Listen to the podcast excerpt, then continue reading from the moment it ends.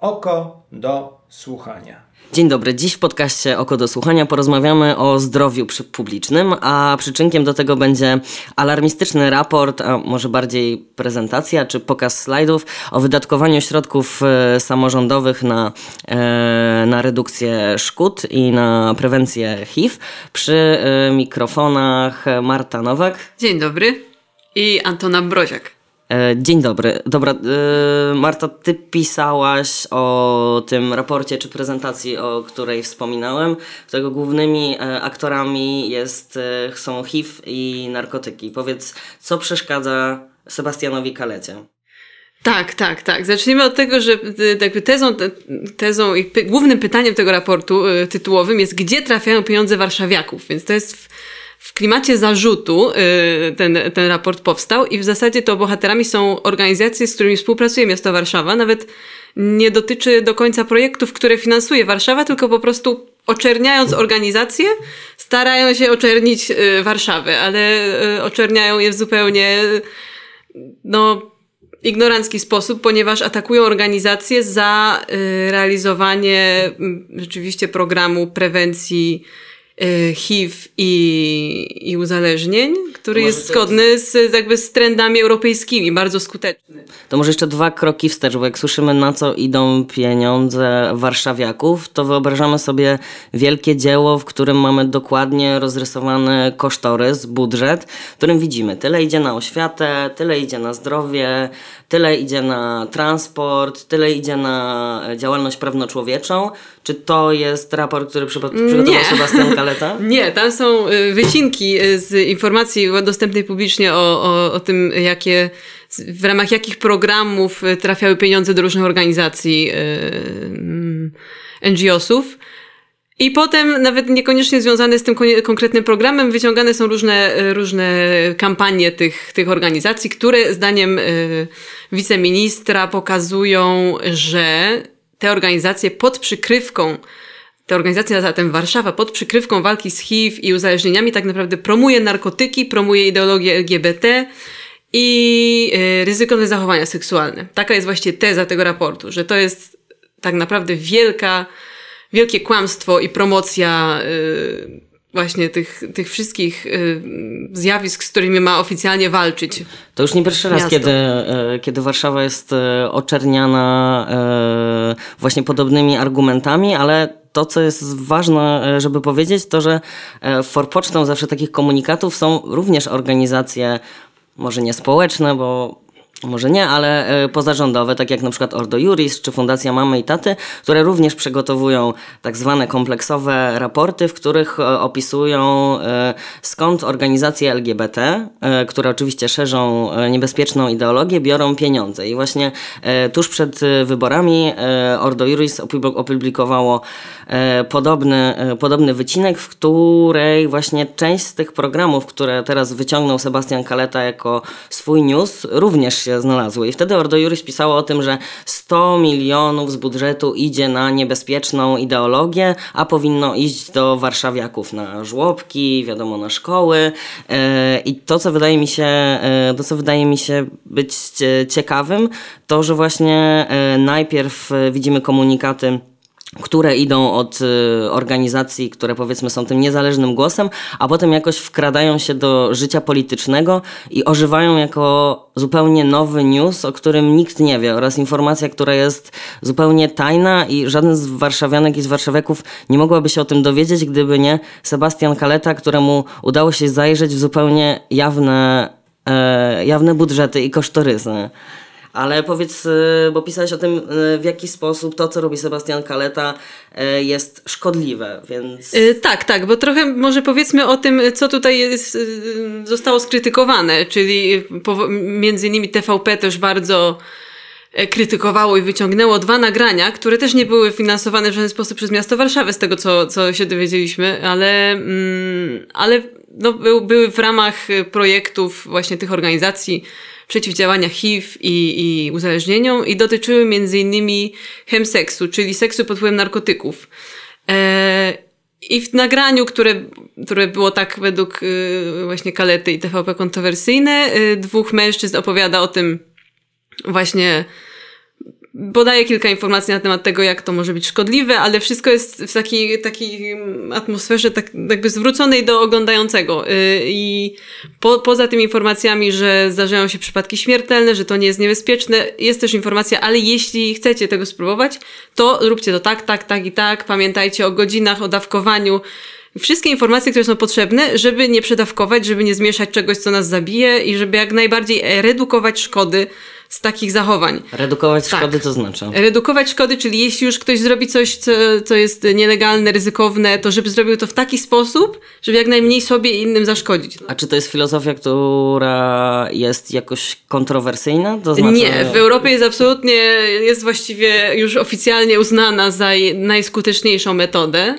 E, Przykładem tutaj może być Portugalia, która też mm, wspominaliśmy w tekście, w latach 90. miała ogromny problem z uzależnieniem od narkotyków. 1% społeczeństwa był uzależniony od heroiny i była bardzo wysoka śmiertelność. E, I oni poszli zupełnie przeciwną, znaczy właśnie poszli zgodnie z tą filozofią redukcji szkód, e, przestali, jakby z- z- zerwali z tym dyskursem takiego karania, ścigania, zamykania w więzieniach, tylko po prostu zalegalizowali pewną ilość e, substancji, e, właśnie narkotyków. I, y, i znaczy nie zalegalizowane, tylko przepraszam, dekryminalizacja, czyli po prostu ludzie nie trafiali za to do więzień, tylko musieli się stawiać przed komisją odwodzenia, tak się z tego co pamiętam nazywa, która miała zrozumieć, dlaczego sięgają po narkotyki i zachęcała ich do terapii. Czyli jakby był taki, zwrócono się do nich informując też o tym, że jeśli już coś takiego robią, no to jak to zrobić bezpiecznie.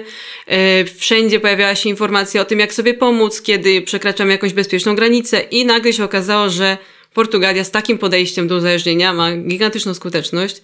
E, Właściwie e, drastycznie spadła e, liczba śmierci z przedawkowania. I też problem z uzależnieniem jest już jakby na poziomie europejskim, nie tak radykalny jak wtedy. Tak, tylko droga, Tak. droga portugalska to jest e, rozwiązanie systemowe, coś na Tak. poziomie Filozofii państwa. całej. W całej e, Tak. kompleksowej filozofii, a to, o czym my dzisiaj rozmawiamy, to jest redukcja szkód na takim ostatnim, tym najbardziej oddolnym poziomie, Tak, tak? tak, Czyli tak jak rozumiem, chodzi o uświadamianie i informowanie, z czym łączą się pewne ryzykowne zachowania e, i związane z używaniem substancji psychoaktywnych i z e, uprawianiem seksu na przykład e, bez zabezpieczenia. Tak, tak. E, Chodzi o to, żeby nie stygmatyzować, nie potępiać w, w czambu po prostu wszystkich osób, które podjęły jakieś ryzykowne zachowania, bo to zamyka im drogę do, do, do zdrowia, do leczenia. No, ty stawiasz taką mocną tezę, stygmatyzacja e, równa się śmierć. Tak. I mam na to, jakby, to, to co mam na, na przedstawienie tej, na to, potwierdzenie tej na, e, tezy. najbardziej, czyli dane. Tak, trochę danych. E, Bo akurat, bo tutaj pojawia też wątek HIV i, i- Kaleta też, tutaj jedną z jego tez jest to, że w zasadzie promuje się ryzykowne zachowania seksualne, a przez to wz- wzrost tam problemu HIV, a, a problem polega na tym, że Warszawa jest w zasadzie wzorem na, w skali Polski i jest właśnie na europejskim poziomie, jeśli chodzi o, o walkę z HIV, bo przez to, że trafia, y, trafia do, do, jakby do, do osób, które najbardziej są, są y, narażone na, na zakażenie, to skuteczność jest gigantyczna. Bo Kaleta też nie, nie rozumiał, dlaczego w zasadzie, dlatego wysnuwał tą tezę, y, tezę między innymi, że to jest promocja środowiska LGBT, dlaczego te programy były skierowane do tego środowiska. Bo y, największe, największa ilość zakażeń wykrywa się y, dzisiaj w grupie MSM, czyli mężczyzn uprawiających seks z mężczyznami, więc tutaj naturalnie te programy pro- profilaktyczne są skierowane do nich i mają ogromną skuteczność, bo te, właśnie to środowisko, ta, ta grupa Najczęściej zgłasza się do punktów konsultacyjno-diagnostycznych, y, czyli tych miejsc, gdzie darmowo i anonimowo można się zbadać na HIV. Ale co jeszcze ważniejsze, wcześniej się wykrywają te osoby zakażenie, czyli za, zakażają mniej osób oczywiście i od razu, w większości od razu idą na leczenie. I to jest ogromny problem, bo y, dane, które przedstawiła innymi dr Justyna Kowale, y, Kowalewska z Wojewódzkiego Szpitala Zakaźnego w Warszawie na konferencji poświęconej HIV pokazują, że jest gigantyczna ilość pacjentów, osób, które są zdiagnozowane y, z HIV, które nie, nie, nie idą na leczenie i to jest naprawdę zatrważające. Ona pokazywała, że 6% pacjentów y, nie przychodzi nawet odebrać pierwszego wyniku, 12% nie, nie przychodzi odebrać kolejnego wyniku potwierdzającego ten pierwszy, który jest niezbędny, żeby być pewnym. 6% potem w ogóle y, rezygnuje z odkodowania, czyli umieszczenia na dokumencie informacji, że tak, to ja jestem zakażony i mogę iść do lekarza z tym. A 18% potem w ogóle nie, z tych, które zostały, w ogóle nie zgłosiły się do poradni w ciągu dwóch lat. Czyli jakieś 42% pacjentów ze zdiagnozowanym HIV, osób ze zdiagnozowanym HIV, nie pojawiło się na leczeniu. I tutaj widzę bezpośredni związek z tym, z tą stygmatyzacją, którą, po prostu, którą szerzą tego typu raporty, y, jakby przeczące tej, tej filozofii redukcji szkód i wychodzenia naprzeciw i jakby popularyzowania badań, leczenia, jakby oswajania ludzi z problemem, tylko po prostu robi się wokół tego taki temat tabu, który powoduje, że najbardziej narażone na nieprzyjście na leczenie są dziś osoby heteroseksualne w zasadzie. No tak, i też myślę, że to, co robi yy, Sebastian Kaleta, to znaczy jednoznacznie złączając HIV z konkretną yy, seksualnością, czy z konkretnymi zachowaniami seksualnymi, które dotyczą na przykład dwójki mężczyzn, to zupełnie zaciemnia to, że narażonymi na zakażenie są również oto osoby heteroseksualne. Także tak, można i do nich nikt nie trafia z tym. tak, z tym- utwierdzanie tych stereotypów sprawia, że osoby czują się jakby wyłączone, albo niezagrożone, albo takie, które uważają, że ten komunikat po prostu nie jest, e, nie jest do nich, co poza tą częścią stygmatyzacji również może przyczyniać się do tego, że osoby po prostu nie są świadome. Nie wiem, jak jest, te, nie wiemy, czy na tej konferencji była też informacja o tym, e, w jaki sposób polscy lekarze są przygotowani do tego, żeby e, opowiadać o zagrożeniach związanych z HIV. To znaczy, czy to jest temat, który w dyskursie medycznym jest odstygmatyzowany? To akurat nie, nie, nie było tak, y, nie, nie, wiem, czy były na ten temat badania, ale wiem, że jakby no, jest y, rekomendowana, rekomendowane badanie i finansowane badanie na HIV dla matek w ciąży na początku i na końcu ciąży, bo tutaj ma, mamy rzeczywiście takie konsekwencje, że tu dziecko może się urodzić zdrowe, nawet jeśli matka je- ma HIV, a rodzą się do dziś chore bo po prostu kobieta o tym nie wie i, i nie, jakby nie, nie zapobiega się temu zakażeniu.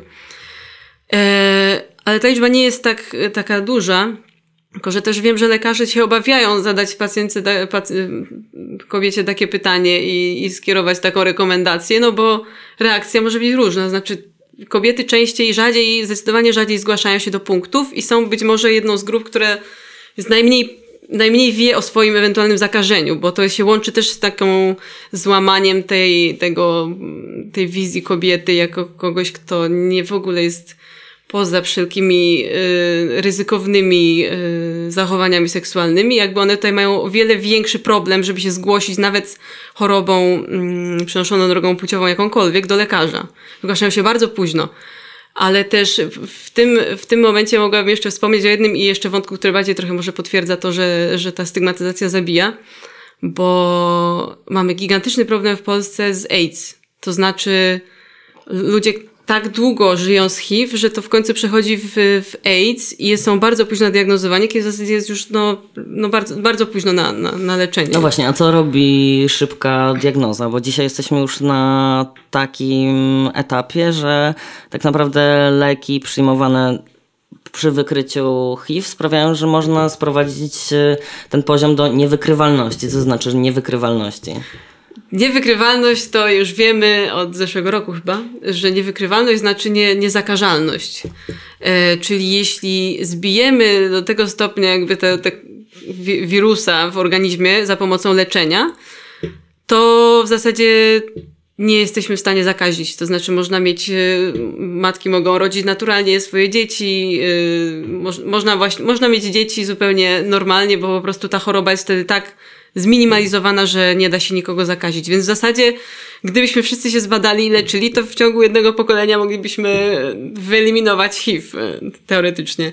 Ale bez badań No to właśnie może e, paradoksalnie Sebastian e, Kaleta zrobił e, przysługę polskiej debacie e, publicznej, bo e, rzadko słyszymy o e, HIV e, czy nie wiem, prewencji uzależnień w debacie ze względu na to, jak dużym ciężarem społecznym, stygmatyzacyjnym są obarczone e, te dwa tematy, więc może w jakiś e, pokraczny sposób e, udało się e, Sebastianowi Kalecie wprowadzić do przestrzeni temat, który jest ważny i o którym można rozmawiać też w sposób bardziej ekspercki. A jeszcze jakbyś mógł powiedzieć o tym modelowym działaniu Warszawy, to znaczy przedstawić troszeczkę na czym polegają te programy, żeby troszkę odkłamać przekaz, który zaserwowała mm, telewizja publiczna i, i pan Kaleta.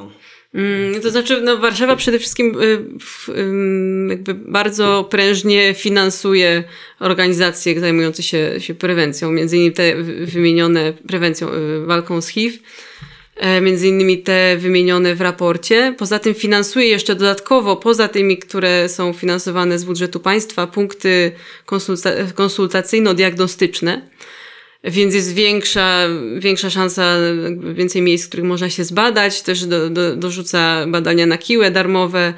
Te organizacje, finansuje punkty, y, fi- finansuje organizacje, które i programy, które propagują testowanie się, to znaczy na różne sposoby. Akurat te filmy przedstawione, y, przedstawione w raporcie to są po prostu influencerzy, którzy w ten sposób y, kierują przekaz do, do swojego środowiska. Więc te organizacje, przez to, że są też bardziej zaangażowane w różnych środowiskach, nie, nie są oddzielone od, od ludzi po prostu taką barierą, tylko wychodzą, edukują w szkołach, y, są też skuteczniejsze po prostu. I Edukują szkołę?